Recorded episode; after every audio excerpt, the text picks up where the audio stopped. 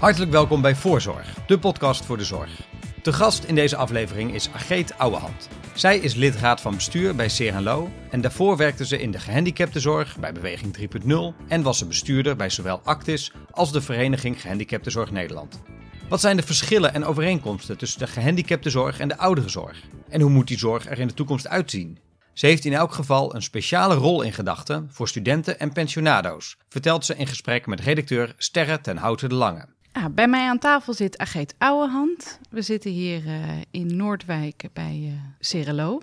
Ja, mijn eerste vraag is uh, eigenlijk, hoe, hoe gaat het hier?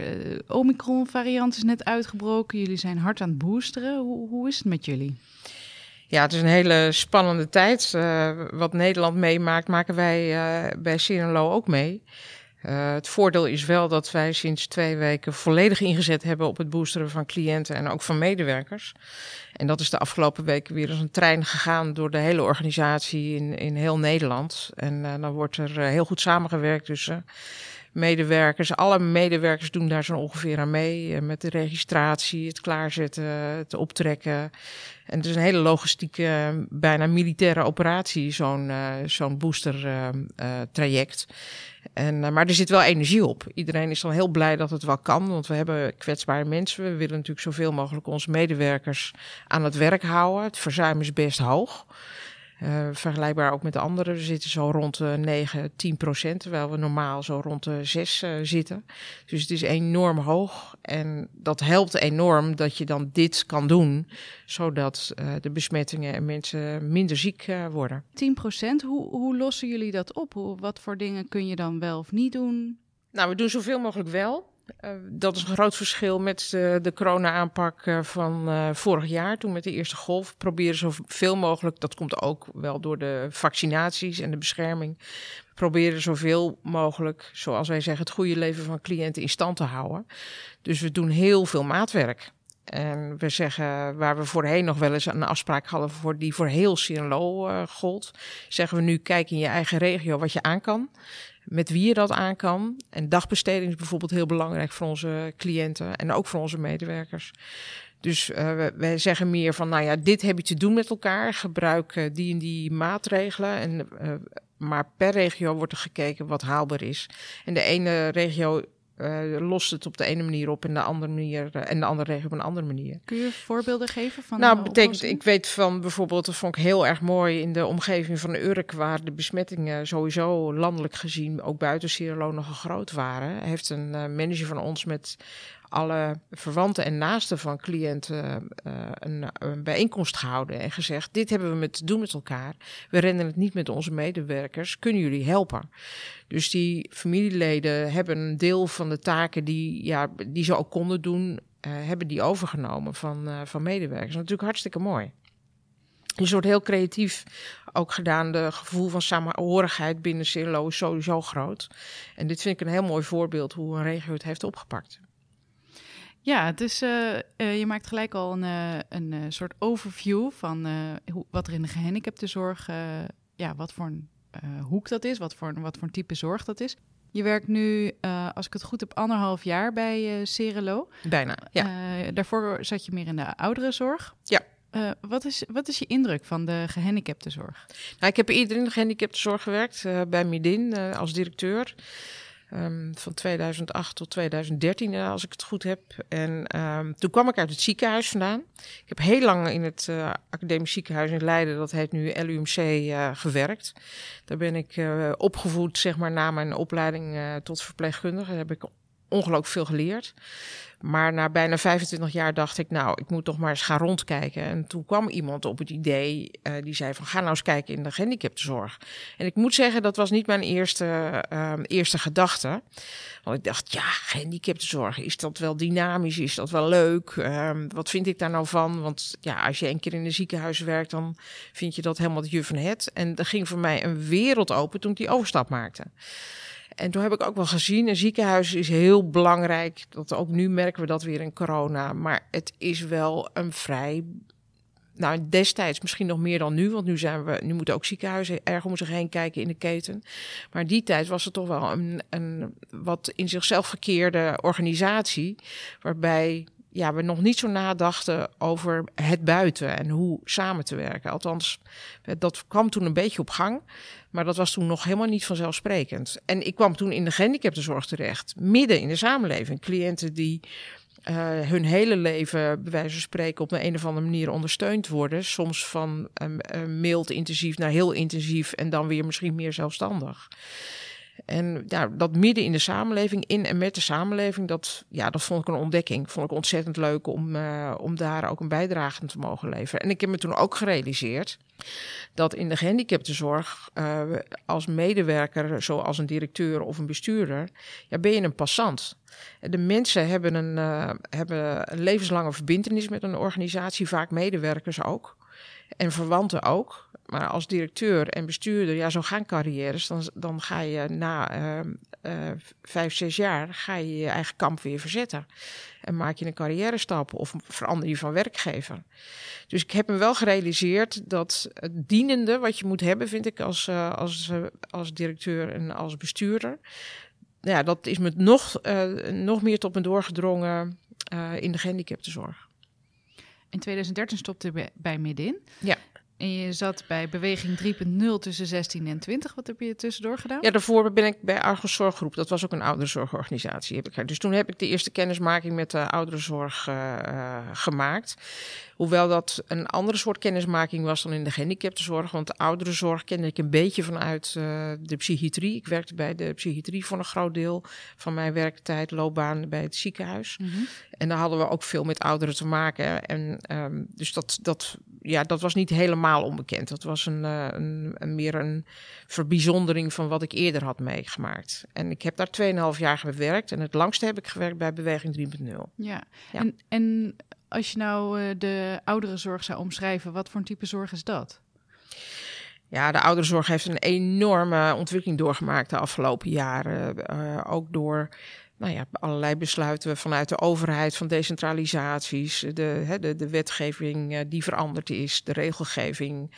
Um, een heel groot gebied is wijkverpleging geworden, die steeds belangrijker is geworden in het hele spectrum van wat we willen met de zorg. Dat de mensen zoveel mogelijk thuis de zorg en ondersteuning nodig hebben. Dat daar het accent is komen te liggen. Dat, dat heeft een enorme boost ook gegeven aan de wijkverpleging. Um, niet te vergeten de geriatrische revalidatiezorg. Dus dat um, mensen die in het ziekenhuis behandeld zijn, daar niet zo lang meer hoeven te liggen. Dat die naar uh, verpleeghuizen kunnen om te revalideren. Ja, dat is een stille revolutie geweest. Daar heeft. Uh, ja, dat heeft bijgedragen aan zo kort mogelijke opnames in het ziekenhuis.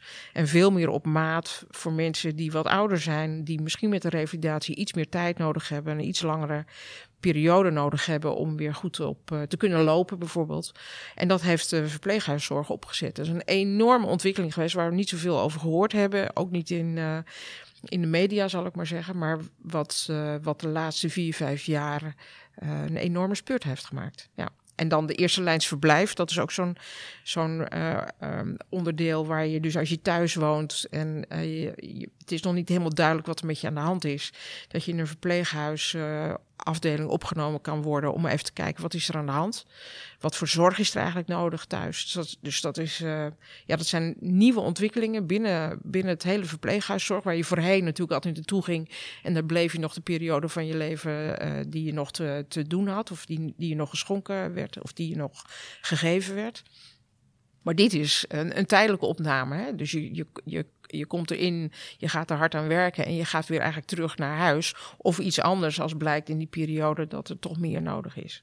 En uh, je omschreef de gehandicaptenzorg als een, als een uh, zorgtak uh, die midden in de samenleving staat. Is, de, is dat, geldt dat voor de ouderenzorg ook? Ja, dat geldt voor de ouderenzorg ook. Maar het grote verschil is, is dat je nou ja, in de laatste periode van iemands leven uh, als zorgverlener aanwezig bent. Dus dat is heel anders dan een gehandicaptenzorg, waar mensen soms vanaf kinds af aan uh, met ouders al ja, iets van ondersteuning krijgen vanuit de zorgorganisatie. Tot en met dat mensen hier komen wonen en hier oud worden en overlijden. Dus die tijdspannen, het is levenslang, levensbreed. Dat is zo'n uitdrukking in de gehandicaptenzorg die, uh, die we het bezigen. Uh, terwijl in uh, de ouderzorg is het misschien wel levensbreed. Want je probeert zoveel mogelijk nog ook in het laatste deel van iemands leven... zoveel mogelijk het leven aangenaam en goed te maken. En um, ja, dat wat er bestond ook mee te nemen in dat laatste stukje. Maar het is niet levenslang. Het is meer een periode in een verpleeghuis. Nou ja, leven mensen ongeveer ja, een jaar, anderhalf jaar. Dat zie je ook omdat er, je steeds uh, later in, een, in je fase van bijvoorbeeld dementie naar verpleeghuis gaat. Dat het zo lang mogelijk thuis wordt geprobeerd. Dat dat een uh, ja, veel kortere periode is. En het is, kijk, de ouderenzorg is gespecialiseerd ook in het uh, begeleiden van mensen in die laatste levensfase. He, dus het, de, de aftakeling die soms heel moeilijk te aanvaarden is voor de mensen zelf, voor de familie, voor de naasten. En nou ja, ook wel toewerken naar uiteindelijk dat overlijdensproces. ja, dat is een vak apart. En ja, dat, dat is iets wat in de verpleeghuiszorg, die zijn daar experts in. Dus daar heb ik ook heel veel bewondering uh, voor.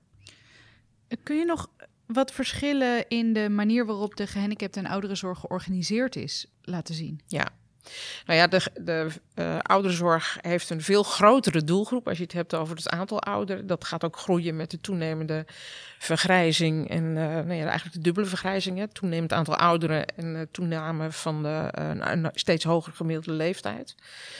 Um, daar zijn ja, enorm veel organisaties ook aan verbonden. Dus bijvoorbeeld Actis, de branchevereniging even uit mijn hoofd, hebben 650 leden. Versus de Vereniging van Gehandicaptenzorg Nederland, de VGN, heeft, nou, even uit mijn hoofd, uh, ja, de helft of iets minder nog aantal leden, omdat onze doelgroep is kleiner. En uh, ouderenzorg, ouderen, dat is ook iets wat iedereen overkomt. Dat vond ik ook wel het verschil voor, me, voor mijzelf persoonlijk toen ik in de ouderenzorg ging werken. En ik kwam net uit de gehandicaptenzorg. Dat vond ik veel confronterender. Want een syndroom van Down ga ik nooit meer krijgen. Dus dat komt niet zo heel dicht bij mij, zeg maar. Maar in de ouderenzorg, uh, de doelgroep, ja, dat is ook mijn toekomst. Mijn ouders waren, uh, toen ik daar voor het eerst ging werken, uh, nou ja, toen al rond de 80, 80 plus. Die zijn ook in die periode veel meer afhankelijker van hulp geworden. Ik ben zelf heel intensief mantelzorger geweest. En ze zijn allebei overleden kort na elkaar. Dus dat zit in ieders leven als je het mee mag maken.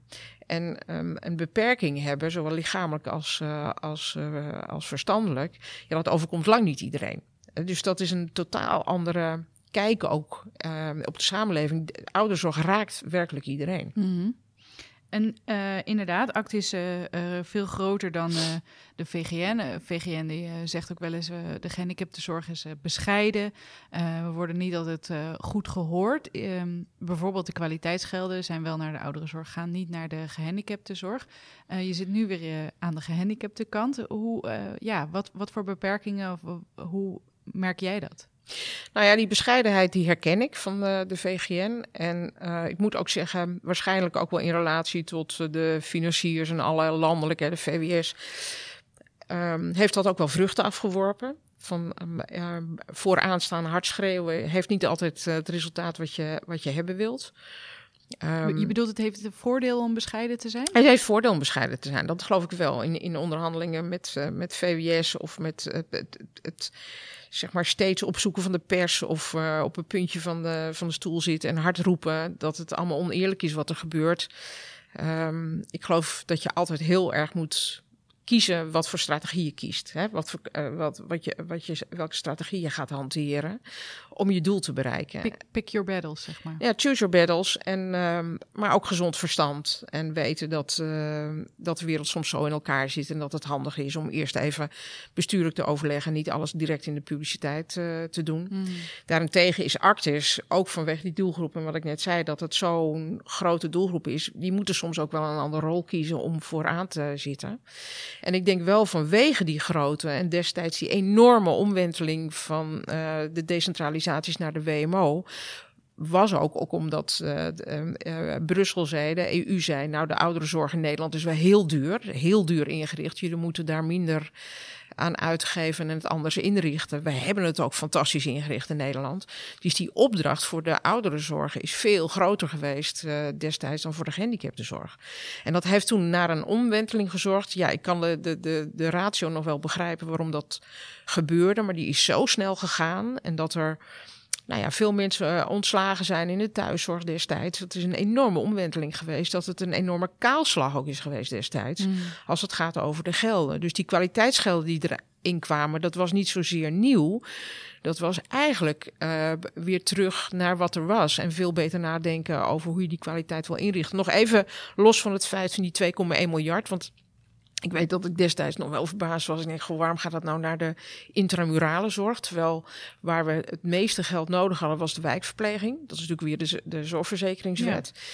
Wil je mensen zo lang mogelijk thuis uh, willen laten wonen uh, en met stut en steun, uh, was het, vond ik niet helemaal een logische keuze dat dat geld in de WLZ terecht kwam. Want je wil juist die grote groep, die enorme vergrijzing die op ons afkomt, wil je op die plek hebben. Dus ik heb ook nooit begrepen, dat vind ik echt een weeffout, dat de wijkverpleging naar de zorgverzekeringswet is gegaan. Ik vind echt dat dat in de WLZ had gemoeten. Dan had je al dat gedoe over dat uurtje factuurtje, die vijf minuten registratie, uh, die doelmatigheidsdiscussie, die efficiëntie. Heb ik nooit zo goed begrepen. Volgens mij hadden we daar veel en nog steeds veel meer moeten investeren om waar te kunnen maken dat de juiste zorg op de juiste plek uh, uh, hoort. Maar goed, het is wat het is. En inmiddels is het, zijn we ook zes jaar verder en uh, zijn we ook wel gewend aan het feit dat het zo is. Aan de andere kant snap ik ook wel dat het in de zorgverzekeringswet kwam omdat er juist zo'n enorme vergrijzing op ons afkomt. Dus je moet wel een beetje de kosten zien te beheersen. En dat kan in de, in de zorgverzekeringswet net iets beter nog dan in de WLZ. Maar al met al, die 2,1 miljard naar de, naar de ziekenhuizen, die zijn wel goed besteed. Die kwaliteitsgelden hebben een heel goede plek gevonden. Uh, zorgkantoren hebben daar ook een goede rol in gespeeld. En nou ja, zoals met elke verandering, je hebt even een soort. Uh, we, we, weten niet precies waar we toe zijn. Hoe hebben we het, ons tot elkaar te verhouden als partijen in, de, in het veld. Maar uiteindelijk is dat wel, wel goed teruggekomen. En zijn nu die, ja, die gelden, hè, die zijn in de tarieven gedaald, zoals dat netjes heet. Dan hoef je niet meer die kwaliteitsplannen apart te maken voor die kwaliteitsgelden. Maar er is een enorme omwenteling geweest. Wat, nou, daar zijn we heel druk mee geweest destijds. Ja. En is de gehandicaptenzorg nu ook toe aan uh, kwaliteitsgelden? Nou, ik denk de gehandicaptenzorg heeft uh, tot voor kort het redelijk goed kunnen doen met de gelden die er waren. Um, ik denk wel dat we in de toekomst en waar we nu ook mee zitten, dat we wel tegen de grenzen aanlopen met wat we kunnen voor het geld dat we krijgen. En uh, dat heeft er ook mee te maken dat ons werk in die zin aan het veranderen is. Dat we steeds meer te maken hebben met cliënten met veel ingewikkelder hulpvragen. Um, en dat je ziet door de beweging, bijvoorbeeld de GGZ, hè, de bedden zijn gesloten. Er zijn veel meer mensen ook in het intramurale veld. Er zijn ongelooflijk veel mensen met een verstandelijke beperking. We weten het van 1,1 miljoen uh, mensen dat dat is, met een licht verstandelijke beperking. Nou, dat zijn er misschien nog wel meer.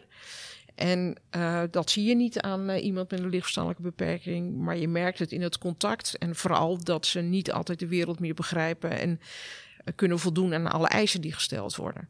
Nou, dan zie je ook dat um, bijvoorbeeld in, uh, in uh, je hebt dus de mensen met een lichtverstandelijke beperking die een prima leven leiden, die hulp nodig hebben.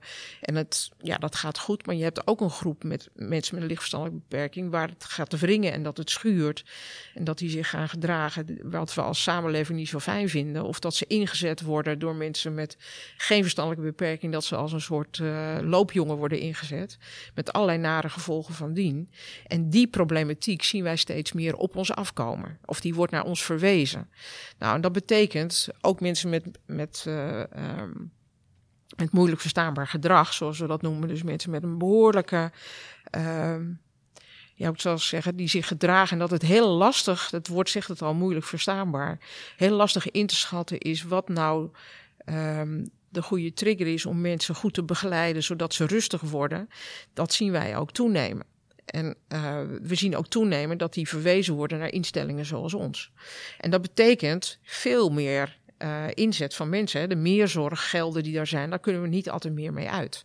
En je ziet nu dat in de gehandicaptenzorg, trouwens Serenloos echt niet de enige organisatie die daarmee te maken heeft. Uh, ook andere organisaties hebben daarmee te maken.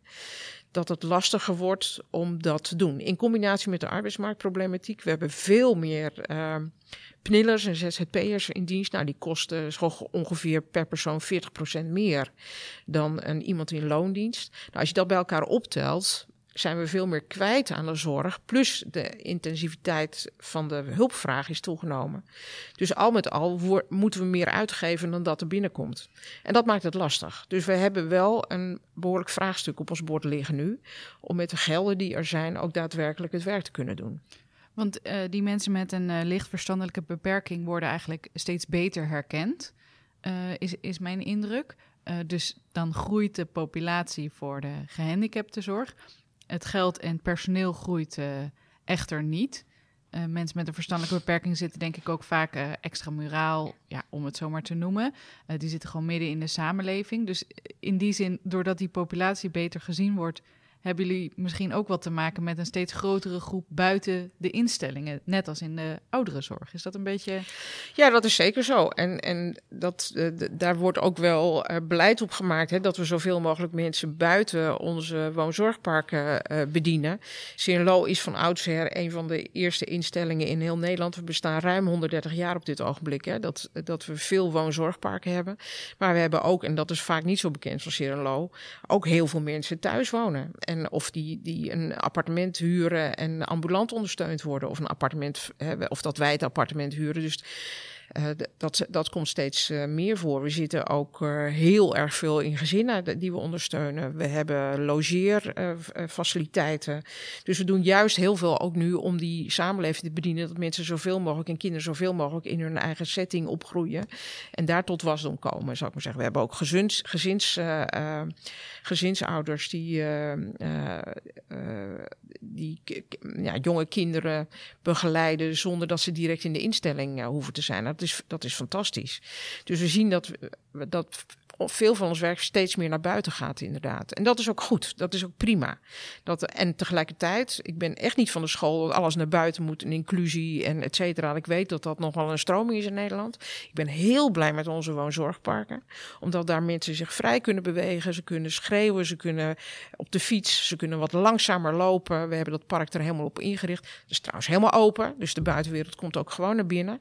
Dus die combinatie van wat wij te bieden hebben, ja, die vind ik, vind ik enorm goed, omdat die hulpvragen er ook zo zijn. Ben je niet zo van de inclusie, begrijp ik dat? Ik ben wel van de inclusie, maar niet dat iedereen de wijk in moet.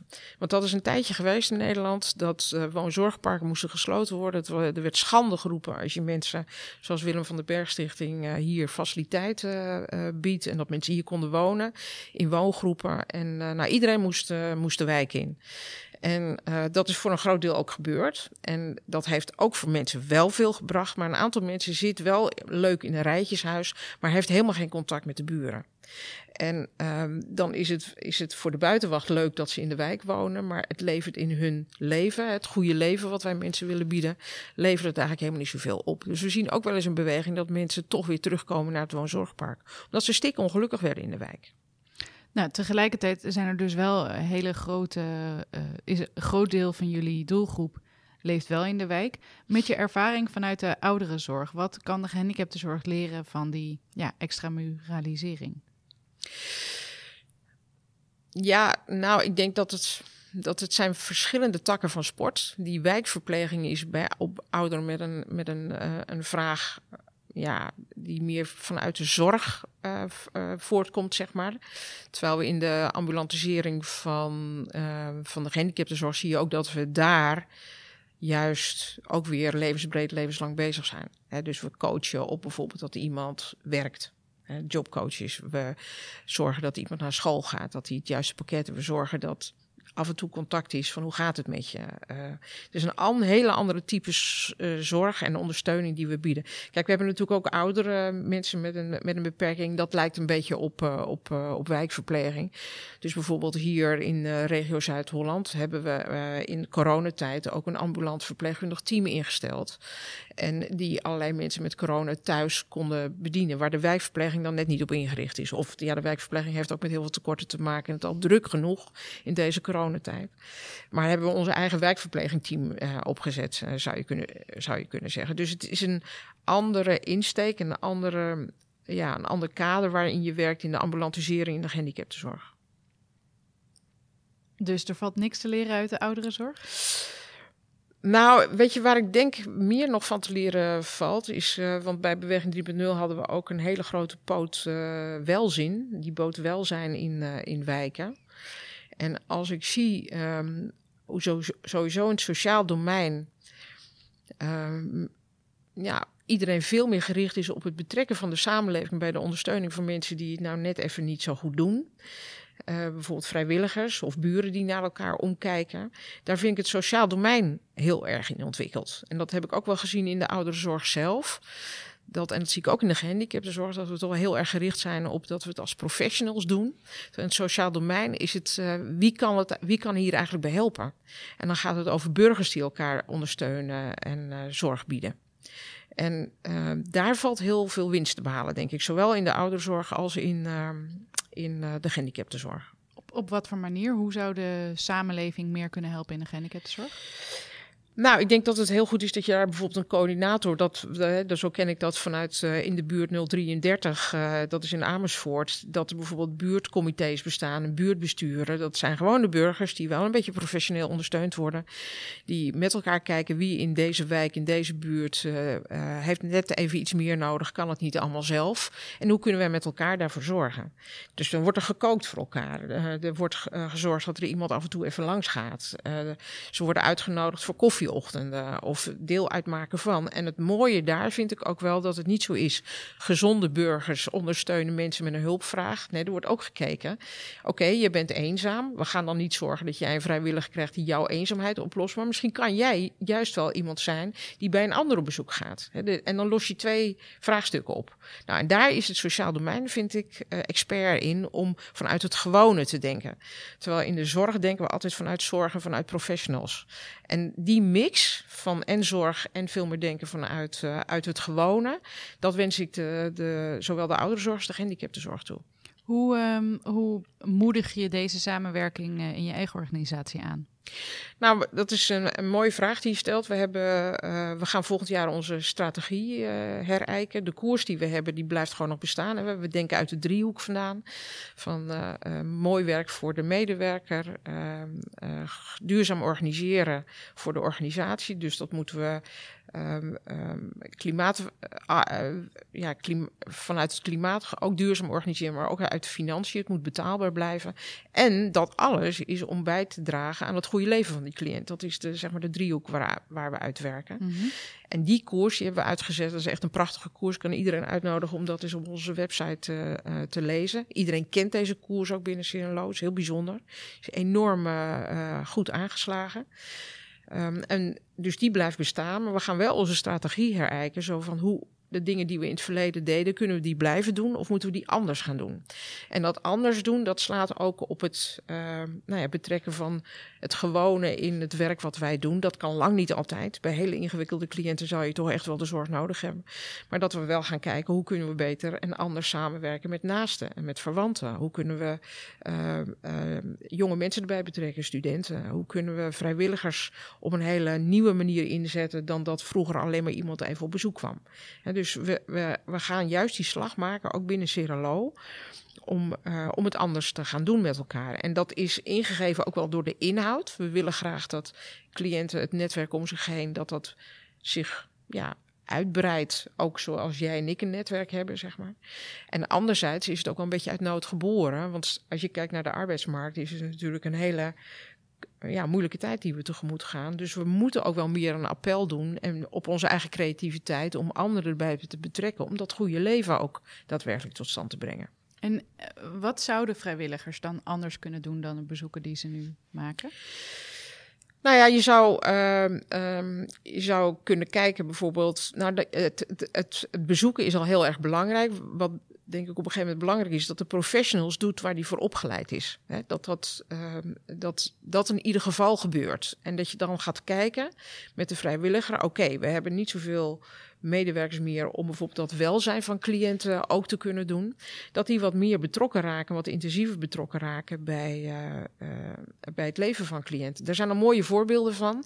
Andere organisaties uh, hebben bijvoorbeeld, als ook in de ouderenzorg, dat het woningtekort heel groot is. Dus je mensen tegen Ehm, natuurlijk wel tegen betaling laat wonen in een locatie. Uh, of we hebben appartementen die we uh, als organisatie hebben. Vrijwilligers maar, dan, zeg maar. Vrijwilligers of studenten. Mm -hmm. En dat je zegt, oké, okay, de huur maken we niet zo hoog. Maar uh, het belangrijke is wel dat je één tot twee dagen gewoon ook met onze cliënten iets gaan doen.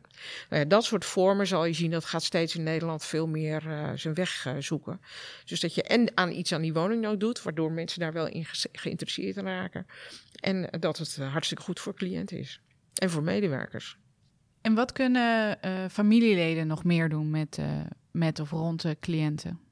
Nou, als je ziet, dan zijn verwanten bij ons, als er verwanten in spel zijn, hè, want dat is ook niet altijd het verhaal, die zijn altijd heel erg betrokken bij, uh, bij hun broer, zus of Um, um, dus ik denk dat die al heel veel doen. Ja, daar kun je misschien niet uh, nog meer van verwachten. Nou, nou je, je, zou wel dat. Ik vind wel dat je het moet gaan bespreken van wat kunnen wij wel, wat kunnen wij niet. Uh, dat dat zeker, uh, zeker van belang is om, om nog aan de orde te stellen. Maar het is absoluut niet zo dat wij zeggen, nou, verwanten doen nu niks, ehm, laat ze eens wat doen. Want wij zien dat die betrokkenheid juist van verwanten enorm groot is. En die koesteren we ook.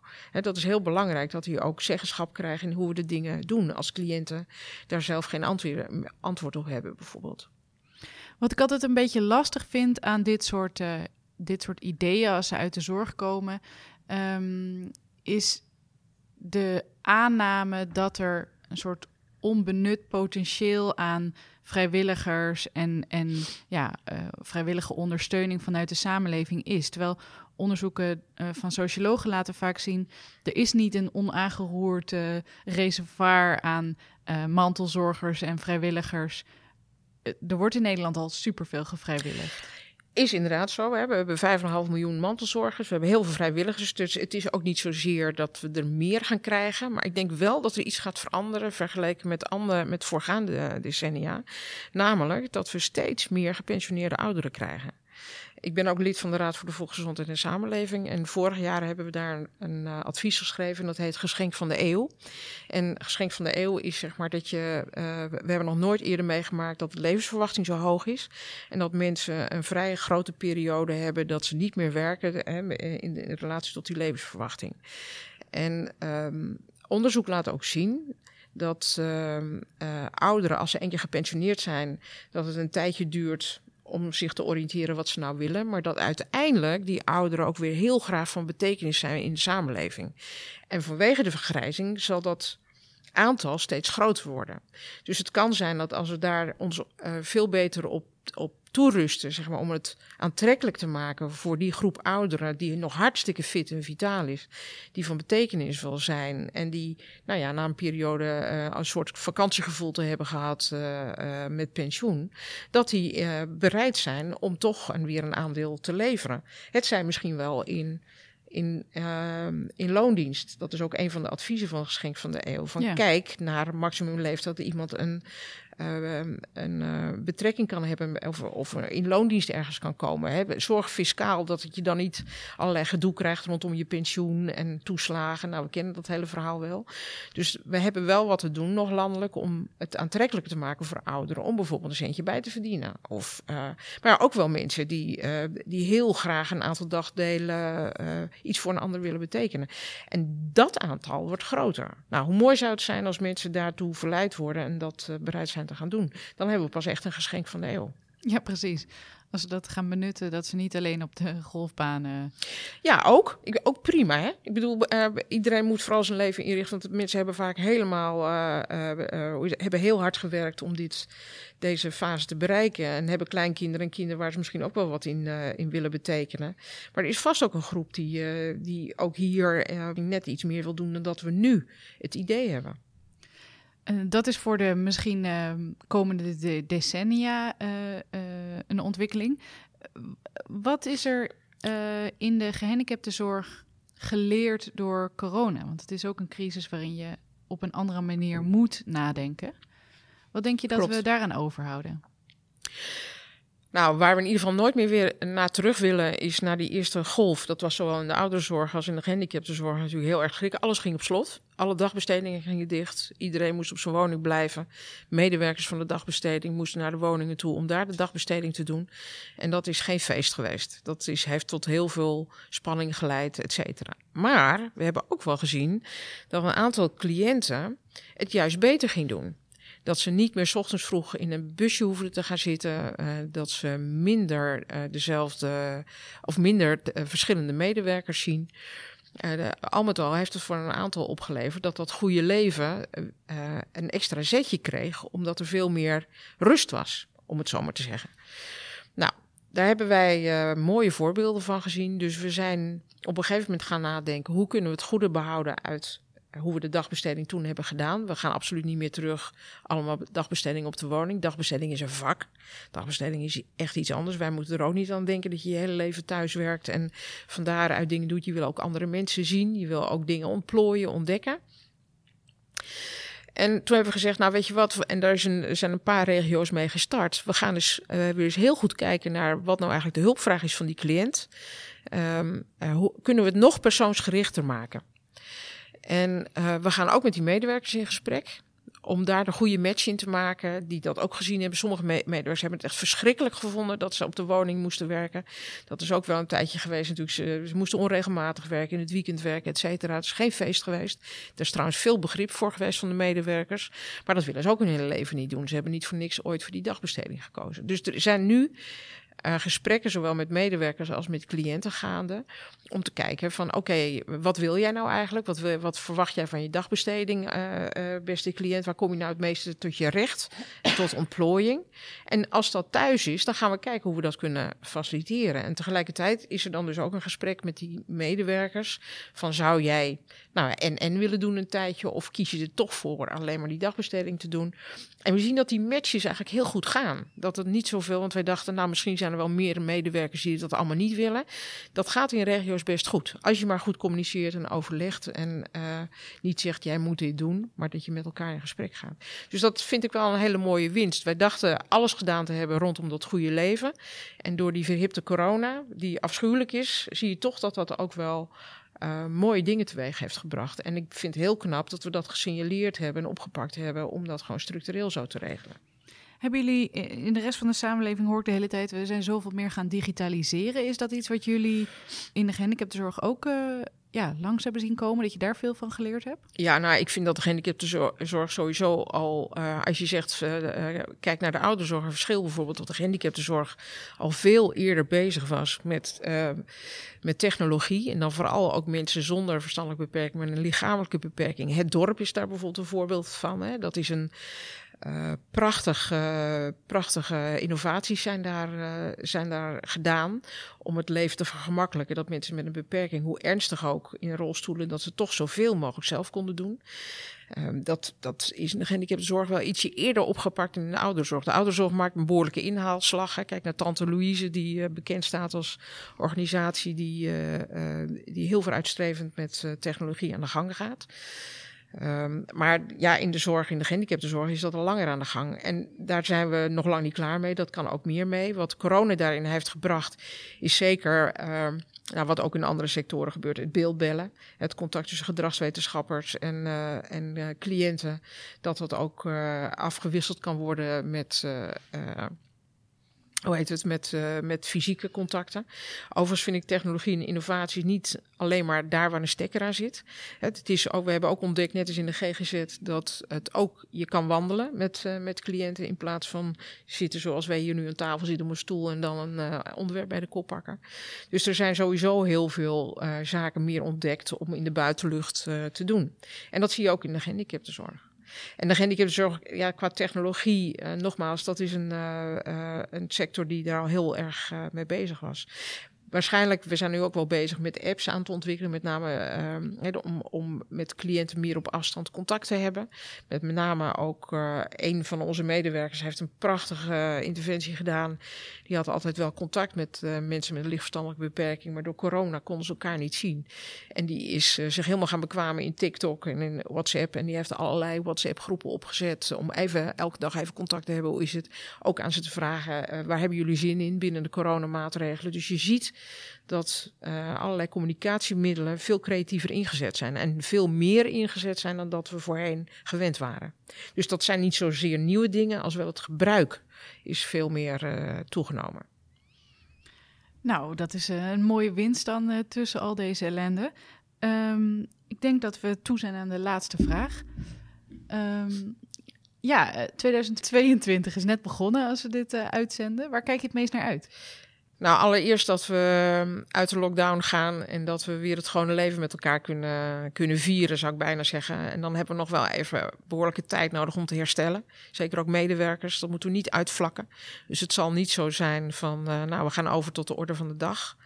Um, we hebben heel groot beroep moeten doen op mensen die het nog wel uh, konden doen, veel meer hebben moeten werken. Dus ik, die gun ik ook een heel mooi en rustig voorjaar met elkaar. Onze cliënten zie ik echt naar uit dat ze meer vrijheid weer hebben, dat ze kunnen gaan en staan waar, waar ze willen. Dus daar zie ik heel erg naar uit, dat we het gewone leven met elkaar weer op kunnen pakken. En dat maar eens eerst even weer, uh, uh, weer met elkaar doen. Ja, en daarnaast denk ik, ja, landelijk. Ik ben heel benieuwd naar de nieuwe regering. We krijgen een minister langdurige zorg, heb ik begrepen. Dus uh, die is bij deze van harte welkom voor een werkbezoek. Dus dat zou ik fantastisch vinden als we daar goed beleid met elkaar kunnen maken. Dat nou ja, onze driehoek, zoals ik net schetste, en dat geldt ook voor andere organisaties, dat we met elkaar gewoon met het geld wat er is, de goede dingen kunnen doen.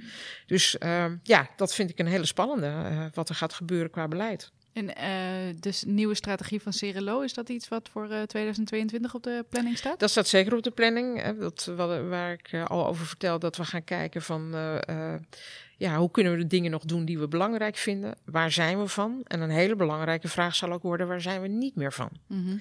Dus dat is misschien wel voor het eerst dat we die vraag aan ons gaan stellen.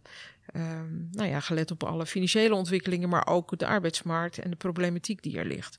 Dus dat, uh, dat worden denk ik hele mooie discussies met de verwanten, uh, met cliënten, met onze medezeggenschap. En niet in de laatste plaats ook onze raad van toezicht en met de medewerkers natuurlijk. Dus dat, is, dat, is, dat, dat gaat nog best wel veel tijd kosten, denk ik om met elkaar te kunnen zeggen: hier zijn we niet meer van op onderdelen. We willen natuurlijk eigenlijk alles doen in de zorg. Hè?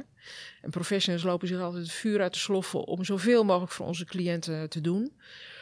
En uh, een spannende wordt dat we gaan begrenzen. Wat kunnen we begrenzen in dat wat we doen? En wat we willen, ook juist misschien wel uh, in het belang van die cliënt, dat we dingen niet meer doen. En in het belang van het mooie werk in stand houden. Dus dat, dat, gaat, uh, dat gaat denk ik veel discussie opleveren. En daar zie ik ook wel naar uit. Want het is belangrijk dat we daar uh, duidelijkheid in krijgen, dat we het bewustzijn daarop krijgen. En ik hoop dat dat ook niet alleen binnen Cirelo is, maar dat dat heel landelijk het verhaal gaat worden. Hè. Dus de verwachtingen die er zijn richting de zorg, die zijn altijd al heel erg hoog. En uh, nou, die moeten anders uh, ingevuld worden, denk ik. Dus uh, de samenleving moet er denk ik ook aan wennen dat we als zorg, en dan heb ik het en over ouderenzorg, en over gehandicaptenzorg, en misschien ook wel de ziekenhuiszorg, dat we het niet meer zo kunnen doen zoals we het in het recente verleden hebben gedaan. Dus die landelijke discussie, dat agenderen, dat bewustzijn, en dan met elkaar kijken wat dan wel en hoe dan anders, daar zie ik ook wel uit. Nou, dat wordt een flinke kluif. Uh, we gaan het natuurlijk allemaal uh, op de voet volgen. Ageet, heel erg bedankt voor uh, dit interview. En tot in 2022. Ja, jij ook bedankt, Sterren. Dankjewel. Tot zover deze aflevering. De montage was in handen van Sterre ten Houten de Lange. De muziek is gemaakt door Bram Brouwers. U kunt zich abonneren via de bekende podcast-apps op uw telefoon of luisteren via skipper.nl of zorgvisie.nl. Voor nu hartelijk dank voor het luisteren en heel graag tot de volgende voorzorg.